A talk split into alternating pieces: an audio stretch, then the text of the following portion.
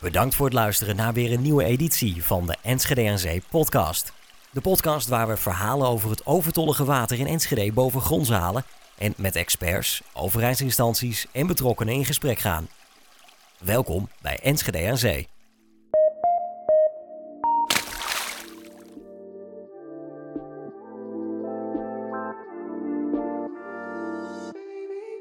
Welkom bij een nieuwe aflevering van de Enschede aan Zee podcast.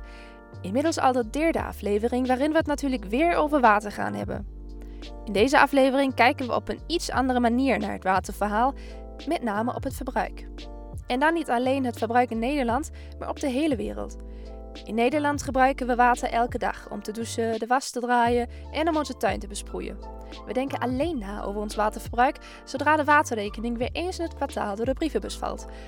Maar weet je eigenlijk wat de impact van jouw watergebruik op de rest van de wereld is en hoeveel water de producten die jij consumeert verbruiken? Zeer waarschijnlijk niet.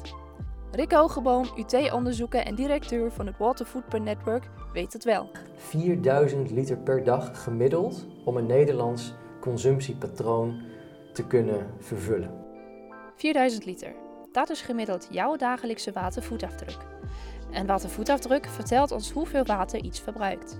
Het resultaat wordt samengevat in een getal. De gemiddelde watervoetafdruk, dus de hele productieketen van een t-shirt, is bijvoorbeeld 2700 liter. In Nederland denken we al goed bezig te zijn met het zuinig gebruik van water. We kopen bijvoorbeeld regentonnen om het water op te vangen en we installeren zelfs waterbesparende douchekoppen. Vergeleken met de rest van de wereld kun je bijna stellen dat we in Nederland met luxe problemen te maken hebben. Ook Hogeboom weet zeker dat water ons in de toekomst in aanzienlijke mate bezig zal houden. we zijn nu veel met CO2 en met klimaatverandering bezig. Maar ik ben er echt van overtuigd dat water de volgende grote opgave gaat worden voor de mensheid en dus ook voor de Nederlander. Als een van de rijkste landen ter wereld is Nederland namelijk één van de koplopers in het verbruiken van water. Maar ik wil meer antwoorden op mijn vragen. Hoeveel water verbruikt de tukker? Waar gaat ons waterverbruik naartoe? Dreigt er een crisis en wat kan de gewone Nederlander eigenlijk doen om een crisis te voorkomen? Deze vragen kon Rick allemaal beantwoorden. Maar ik wil het eerst over het Water Footprint Network zelf hebben. Wij doen een heleboel dingen, maar wij proberen uh, de wereld een stukje mooier te maken. En dat willen we eigenlijk specifiek doen door duurzaam, eerlijk en efficiënt watergebruik te bevorderen. Dat, uh, dat willen we wereldwijd doen. Dat is namelijk nu zeker niet overal het geval. En uh, we werken samen met partners, zoals bedrijven, overheden, andere stichtingen, maar ook kennisinstellingen en professionals in de watersector, om dat te doen. Oké, dus jullie opereren ook met, met jullie organisatie. Is het wel een organisatie of een stichting? Het is formeel een stichting. Een stichting. En, en op welke uh, gebieden opereert het Water Footprint Network dan? Um, nou, we hebben een aantal kernactiviteiten die we, uh, die we proberen uit te dragen. Uh, we zijn natuurlijk vooral eerst een netwerkorganisatie, dat zit in de naam. Dus we proberen eigenlijk de kennis en de krachten te bundelen van alle partners en professionals die we in het netwerk hebben rondom die watervoetafdruk, hè, of de water footprint. Ik zal dat waarschijnlijk nu wel vaker door elkaar heen gebruiken, hè, behoorlijk uh, Nederlands. En uh, we proberen dus partnerschappen te, te, te, sluiten, of initiatieven waar we al die partijen die iets weten van hoe je dat water nou duurzamer gebruikt bij elkaar brengen, rondom dat centrale thema van de watervoetafdruk. En die kennis die proberen we ook te delen. Uh, bijvoorbeeld, we maken allerlei opleidingsmaterialen en we bieden cursussen aan.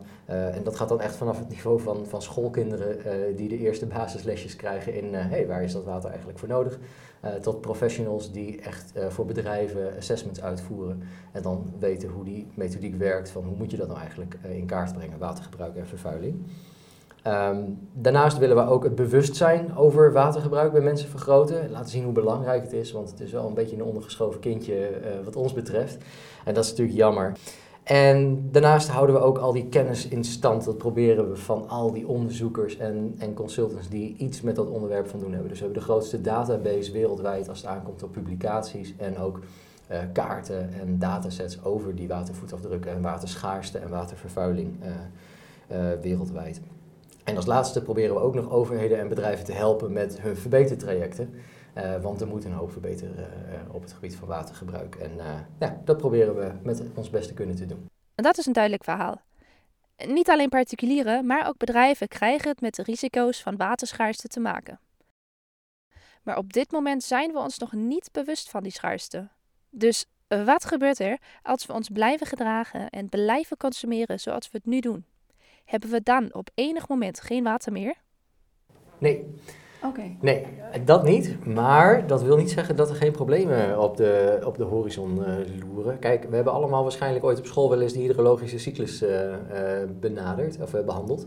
Hè, waarin we zien dat water natuurlijk als regen naar beneden valt en dan via rivieren en meren vindt het zijn weg naar de zee en dan verdampt het weer. Dus dat zit in een cyclus, zou je denken.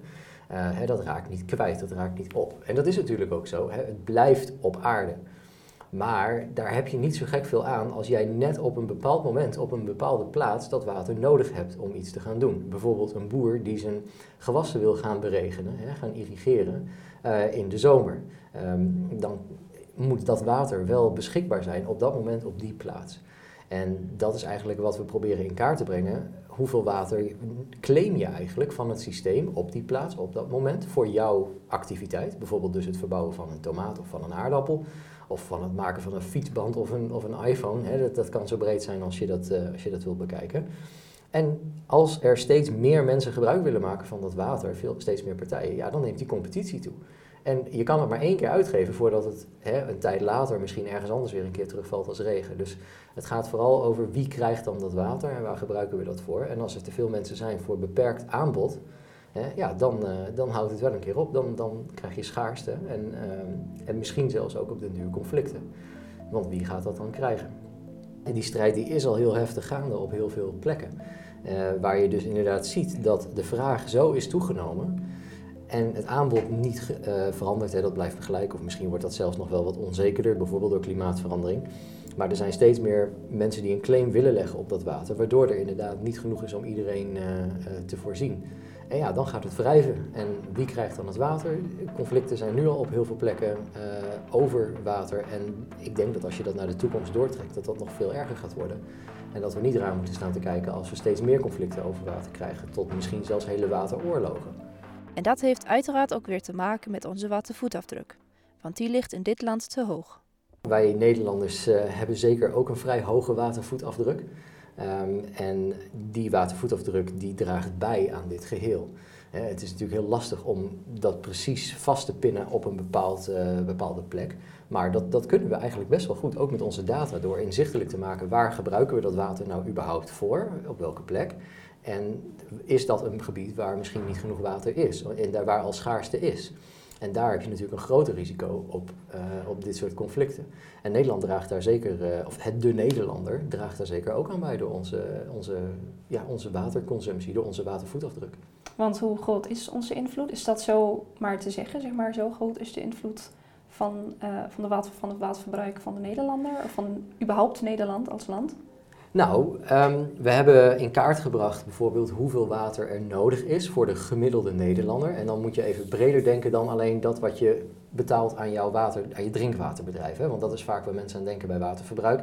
Dat is waar je je rekening voor krijgt ieder, uh, ieder kwartaal. Hè? Voor het douchen en voor het wassen en voor het koken.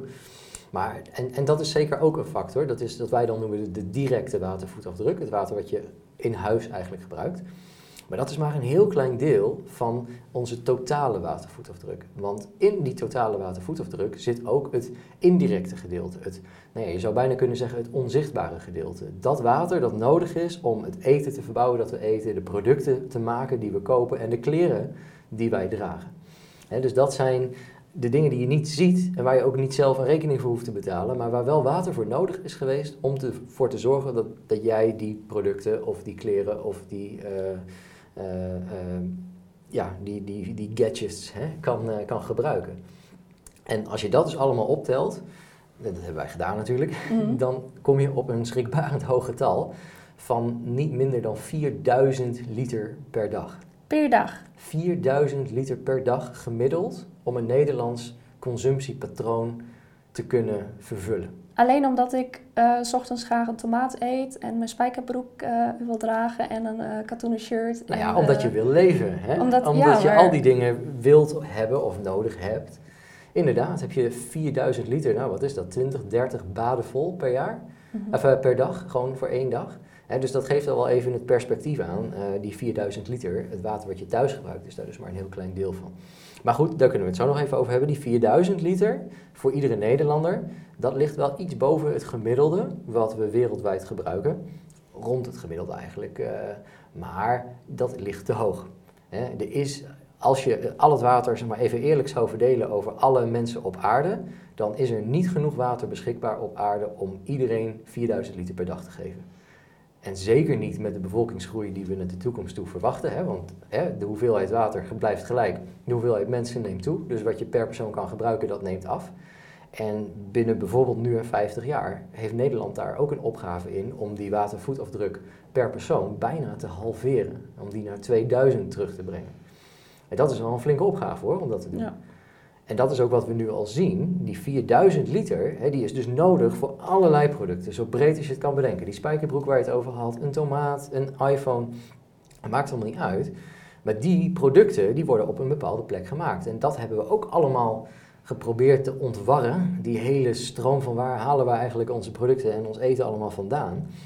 En dan kun je ook weer iets zeggen over die locatie waar dat vandaan komt. Hè. Is daar eigenlijk al een grote druk op de watersystemen? Is daar al schaarste? Is daar al, wordt er al zoveel uit de rivier getrokken dat je niks meer overhoudt en dat eigenlijk alle vissen dood zijn en dat, hè, dat de natuur bijvoorbeeld niks meer krijgt of dat bepaalde gemeenschappen niks meer krijgen omdat anderen het al hebben weggenomen en dat je daar dus hè, over eerlijke verdeling conflicten krijgt.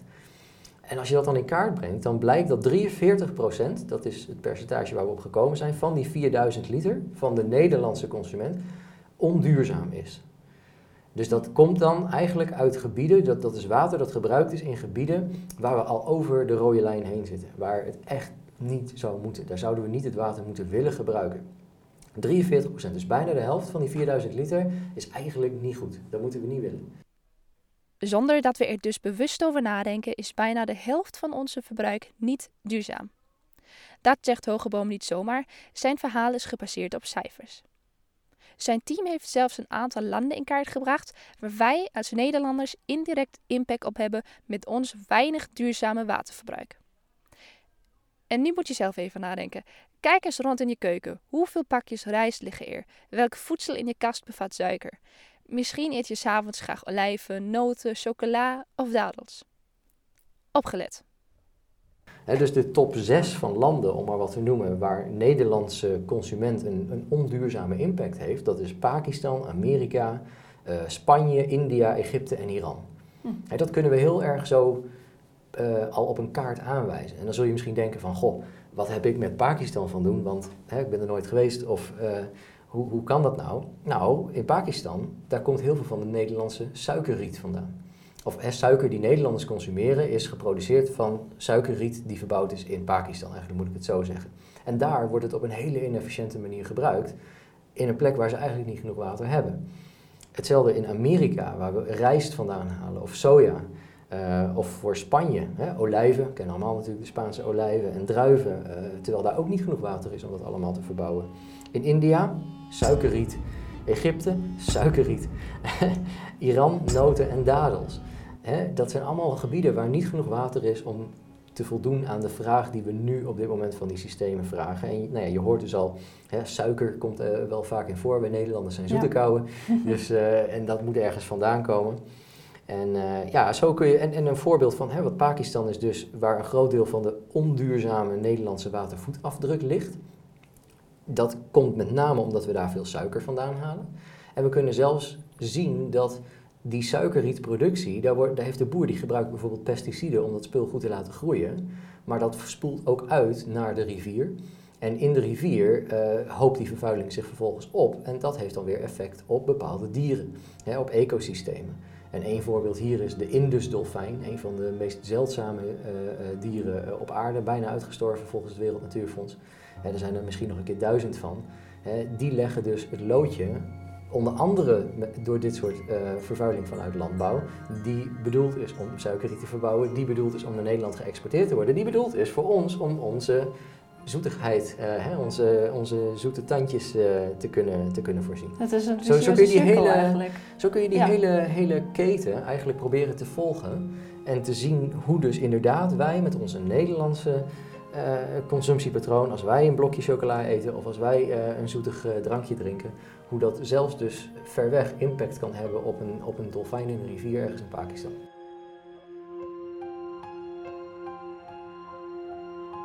Mijn reepje chocola heeft dus impact op de Pakistaanse Indusdolfijn. Ik begrijp wel dat we er in ons dagelijks leven niet over nadenken. Maar dit voorbeeld toont wel heel duidelijk aan hoe groot onze watervoetafdruk is. Misschien is het een beetje overdreven, maar mijn reepje chocola is dus een dierenmoordenaar. Maar niet alleen chocola is slecht. Ook andere producten hebben een hoge watervoetafdruk en een slechte impact. Het ene product of de ene activiteit is, heeft meer water nodig of heeft meer vervuiling uh, met zich, brengt dat met zich mee dan de ander. En dan kun je wel een bepaalde categorisering aanbrengen waarin je inderdaad heel duidelijk ziet dat vlees een veel hogere watervoetafdruk heeft dan veel andere producten. En dat is ook wel logisch, kan je nagaan. Ofwel je eet bijvoorbeeld de soja zelf op, of je geeft eerst de soja aan de koe uh, en die moet daar heel veel van hebben voordat je een equivalent aan calorieën in vlees terugkrijgt. Dus eigenlijk een heel inefficiënte manier om aan je calorieën te komen, om het in vlees om te zetten. En daarom heeft, die, uh, heeft vlees zo'n hoge watervoetafdruk, omdat dat voedsel ook meegenomen moet worden in die hele berekening. Uh, als je dat doet. Dus vlees heeft uh, een hele hoge watervoetafdruk en eigenlijk alle dierlijke producten, dus ook zuivel. Hè, nou ja, daar zijn wij Nederlanders natuurlijk al wel gek op, kaas, melk, noem maar op. Zo te zien is vlees dus een enorme watervreter. En vooral in deze regio eten we veel vlees. Ik vermoed daarom dat de gewone watervoetafdruk van een Twentenaar, of zelfs een Enschedeer, hoger ligt dan het gemiddelde. We zijn met 160.000 inwoners in Enschede. En ik zei net al, we hebben gemiddeld als Nederlander en dus ook als Enschedeer 4000 liter per dag nodig. Dus als je dat even optelt, dan uh, kom je uit op 232 miljard liter per jaar.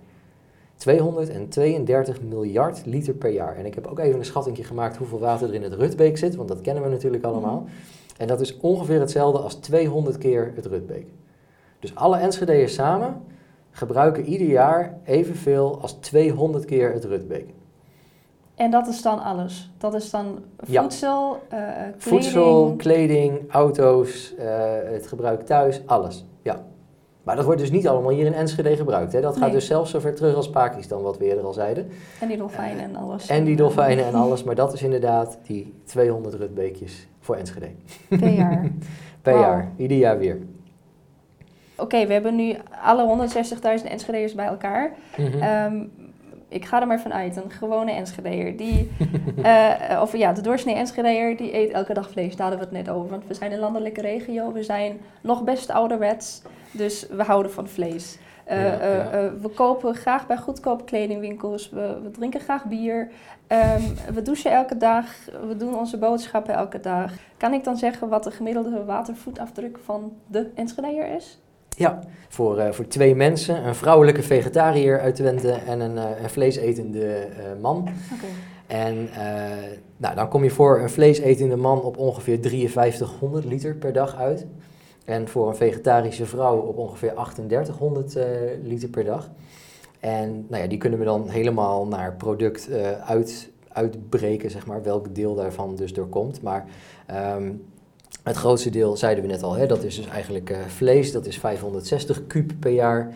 Uh, net even een andere eenheid, maar bijvoorbeeld uh, bij de kledingwinkels voor, je, voor je kleren is ongeveer 100 kub per jaar, dus nou, zeg maar 20% van, van, van, van, van vlees. En je noemde al even goedkopere kledingwinkels. Nou, dat maakt helaas, of helaas, het maakt niet zo gek veel uit hoor, oh, of je okay. naar, een, naar een dure of naar een goedkope winkel gaat. Um, dit is helaas nog een, een te onderbelicht item of topic ook voor kledingproducenten, om daarop al onderscheidend te zijn. Er zijn wel een aantal bedrijven die proberen om ook op water het onderscheid te maken, maar het is niet zo dat jouw merkbroek een lagere watervoetafdruk heeft automatisch dan een goedkopere. Um, nou ja, bier noemde je al even. Ik heb even opgezocht, uh, gemiddeld drinkt een Nederlander en uh, zes biertjes per week. Uh, misschien dat we die voor, voor een gemiddelde trucker dan nog even kunnen, kunnen verhogen. Maar zes biertjes, dat is 83 liter per jaar. 75 liter water nodig voor één glas. Hè? Dus dat, uh, dan voel je hem al. Dat is 25 kub per jaar. Wow. Waar je dan op aankomt voor, uh, voor alleen bier. Alleen dus als je een wat stevigere drinker bent, dan, uh, nou, dan kun je dat al heel makkelijk verdubbelen, denk ik. Dus, ja. Um, nou, 25 kub, maar dat is alsnog maar een kwart van, van je kleding. douchen noemde je even. Ja, daar uh, zouden wij schatten uh, dat het dagelijks verbruik van een Nederlander, dat is ook weer dus niet helemaal gelijk aan wat je bij, bij je waterbedrijf betaalt. Hè? Want dat wordt ook gewoon weer gezuiverd. Dus er zit een hele hoog percentage hergebruik in. En dat is volgens onze definities niet een gebruik. Dus als je een Nederlander gebruikt gemiddeld 130 liter per dag volgens uh, hè, je, je waterbedrijf. Maar daarvan wordt een heel groot deel gewoon weer gerecycled. Dus je echt, het, het verbruik, het water dat echt weg is uit het systeem, dat is veel kleiner. Dat is maar, nou ja, dan schatten we dat even op 26 liter per dag. Uh, waarvan het grootste deel eigenlijk komt door vervuiling van, uh, van water wat niet voldoende gezuiverd wordt. En als je dat dan optelt, is het 10 kub per jaar. Dus nou, dat is, dat is niet zoveel vergeleken met die 100 kub voor kleding en die ja. bijna 600 kub voor vlees. Elk jaar verbruiken de Enschedeërs dus 200 keer het Rutbeek. Net hadden we het nog over het weinig duurzame waterverbruik van de Nederlander. 43% was het percentage. Dat betekent dus dat zo'n 100 rutbeekjes te veel of op de verkeerde plek gebruikt worden. Een Enschedeze man, die graag vlees eet, ligt zelfs ver boven het gemiddelde. Hier zouden we iets aan moeten doen. Bijvoorbeeld door minder vlees te eten. Op dit moment lijkt dat het meest laaghangend fruit te zijn, Denk er een keer over na. De productie van 1 kilo rundvlees, dus het verbouwen van voedsel voor een rund en het voeden van een rund, kost zo'n 15.000 liter water. Zelfs het hele proces achter een kilo chocola verbruikt bijna 17.000 liter water. Maar. Uh, als je zegt, ik eet geen vlees meer, maar ik eet alleen nog maar pistachenootjes en chocola, ja, dan hebben we het probleem alsnog niet opgelost. Dus daar, het, het nadeel is dat we nu gewoon nog niet genoeg inzicht hebben in waar het misgaat en waar het goed gaat. Je kan wel al voorstellen, je kan twee boeren naast elkaar hebben en de ene die maakt gebruik van de meest efficiënte druppelirrigatie om zijn avocado's te maken en de andere uh, die haalt uh, zijn water ten eerste al uit een fossiele grondwaterbron, dus water dat er eigenlijk al eeuwen zit en wat niet vernieuwd wordt. Dus dat is eigenlijk leven op de spaarrekening of leven op je creditcard zo je wil. En die, die verspilt de helft en uiteindelijk krijg je exact dezelfde avocado in de winkel te liggen en wij hebben geen enkel idee welke water duurzaam geproduceerd is en welke niet. En voordat we daar inzicht in hebben, kunnen we ook die keuze eigenlijk niet maken. En dat is waarom we ook met Water Footprint Network proberen om die transparantie in die keten te krijgen. Want de ene boer die naast de andere kan zitten, kan al zo'n verschil hebben met de ander. En het ene bedrijf kan op zijn eigen uh, terrein al zijn afvalwater weer zuiveren en een heel schoon effluent of een heel schoon hoeveelheid water weer, uh, weer terugsturen het systeem in, terwijl de andere maar gewoon in de rivier dumpt. Niemand verplicht ze om daarover te rapporteren of om daar iets van over op het product te zetten. Dus wij als consument hebben geen flauw idee. En totdat we dat weten, kunnen we daar heel moeilijk, helaas maar, een, een, een goede keuze in maken. En dat is dus niet om te zeggen van, oh, we, we, kunnen het allemaal niet, maar dat is juist een aanmoediging om wel te vragen van die bedrijven om daar wat transparanter over te zijn. Hoeveel water gebruik je nou eigenlijk? En kan dat, gegeven hoeveel er beschikbaar is? Hoeveel vervuil je eigenlijk? En uh, kan dat niet minder? Dat vind ik is heel redelijk om te eisen van degene van wie wij onze spullen kopen. Ja, dus dan hebben we het eigenlijk over uh, een soort waterkeurmerk. Kun je dat ja, een waterlabel zou zeker een mogelijkheid zijn. Uh, maar misschien kunnen we dat dan beter laten opgaan in een van de reeds bestaande labels. Want anders dan komen we om in de, in de labels op, de, hè, op, de, op de verpakkingen. Dan zie je niet eens meer wat het is, maar dan staan er alleen maar logootjes op. Maar inderdaad, is het, wel een, het zou wel een aspect in ieder geval moeten zijn in, in een duurzaamheidslogo bijvoorbeeld. Dat zou wel kunnen, dat je daar een component bij maakt. Zodat je in ieder geval weet, oké, dit, is, uh, dit is water goed geproduceerd. Maar ik denk zeker ook dat er wel een indirecte verantwoordelijkheid ligt. Bijvoorbeeld bij overheden, waar we het al even over hadden.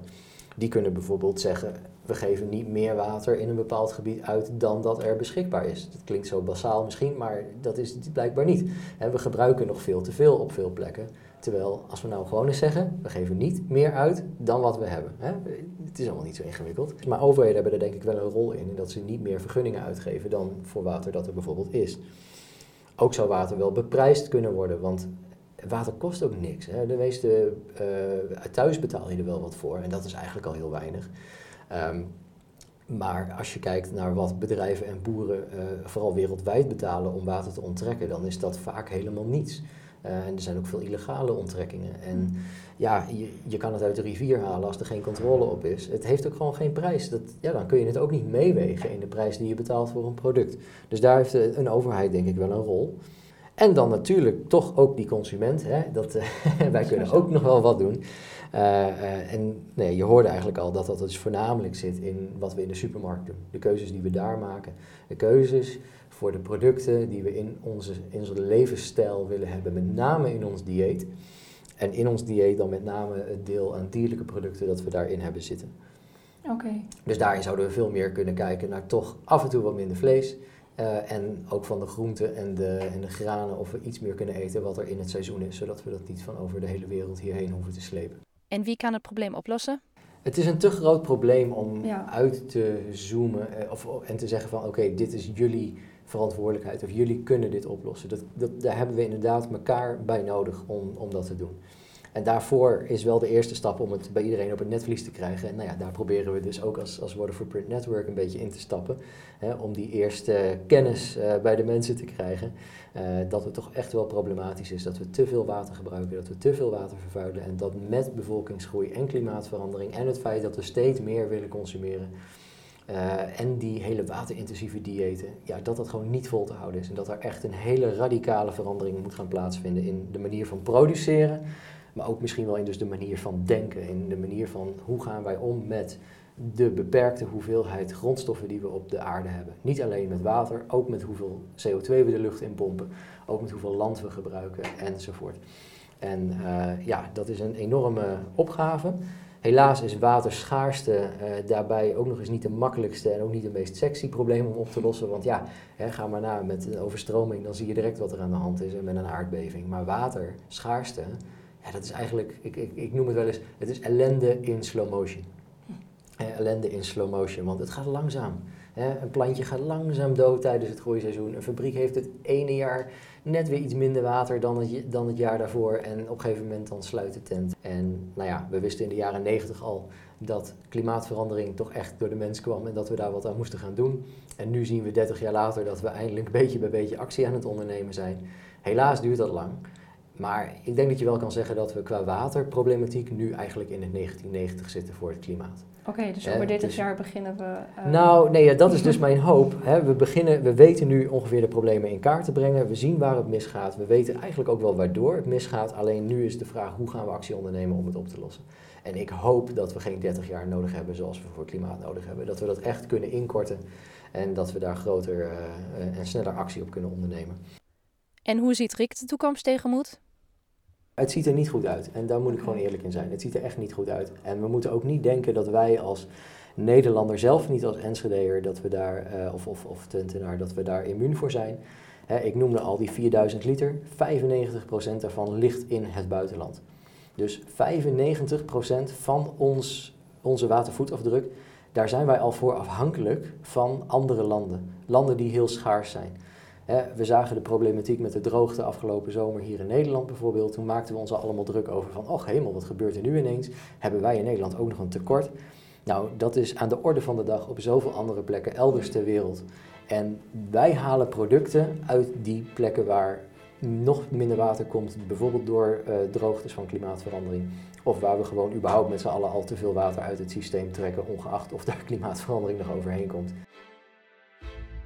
Maar met dat die schaarste toeneemt, dan, en dan gaan er ook verliezers zijn in het spel, in de competitie over wie het water krijgt. En die verliezers, dat zullen waarschijnlijk als eerst arme boeren in arme landen zijn. Die, niet meer, die kunnen het zich niet permitteren om een jaar geen water voor hun oogst te krijgen. Wat gebeurt er? Die migreren. Eerst maar eens misschien naar de stad in hun eigen land, maar vanuit daar ook naar Europa. En de klimaatvluchteling, of de waterschaarste vluchteling, die gaat zeker komen die mensen die gaan niet in hun dorre gebied blijven wachten totdat ze een, een stille hongerdood uh, uh, sterven. Zeker niet. Die zullen ook naar Europa komen, die zullen ook naar Nederland komen. Dus ook vanuit die kant zullen wij deze watercrisis ook in Nederland gewoon op ons bord krijgen. En hebben wij er ook daarin dus alle belang bij om bij te dragen aan een oplossing van dit probleem. En dat alle, alle trends wijzen helaas wel de verkeerde kant op. Dat het alleen maar erger wordt. En ja, dat, dat stemt dus helaas pessimistisch. Aan de andere kant kunnen we heel veel zien nu. We kunnen heel veel berekenen, modelleren, zien waar het nou eigenlijk misgaat. En dat geeft weer mogelijkheden om actie te ondernemen. En we weten ondertussen, gelukkig hebben we ook geleerd van heel die klimaatdiscussie, wat er effectief is voor bedrijven om te doen, wat er effectief is voor, uh, voor overheden om te doen. En nou ja, voor consumenten uiteindelijk ook, als we de informatie hebben, bijvoorbeeld over uh, uh, hoeveel water het kost om, om, iets te maken. En als we dat dus allemaal doen, ja, dan kunnen we het, het tij wel keren. Daar ben ik wel van overtuigd. Maar dan moeten wel echt de schouders eronder. Dus de pijltjes staan helaas de verkeerde kant op. Maar ik heb goede hoop dat, we, dat het ons gaat lukken. Het tij keren. Volgens Rick kan het dus. Maar we moeten er iets voor doen. En dat niet over 30 jaar, maar nu. Ja, ik moet toch wel zeggen dat ik nog nooit bewuster over mijn eigen waterverbruik heb nagedacht dan na het gesprek met Rick. Ik hoop dus dat jij na deze aflevering ook iets bewuster nadenkt over je eigen waterverbruik. En ik hoop dat je vanmiddag, vanavond of morgen, dat ligt natuurlijk eraan wanneer je naar deze aflevering luistert, met andere ogen door de supermarkt of de kledingwinkel loopt, zodat over enkele jaren alle mensen bewust na gaan denken over hun consumptie. Bedankt voor het luisteren van deze derde aflevering. Laat ons weten wat je van deze aflevering vindt. Heb je zelf een verhaal omtrent het water? Tip ons. Je vindt ons op 120.nl slash water, op Facebook of Instagram onder 120 Enschede en natuurlijk op iTunes en Soundcloud. Wat er ook gebeurt, je ervaart het via deze kanalen. Tot snel!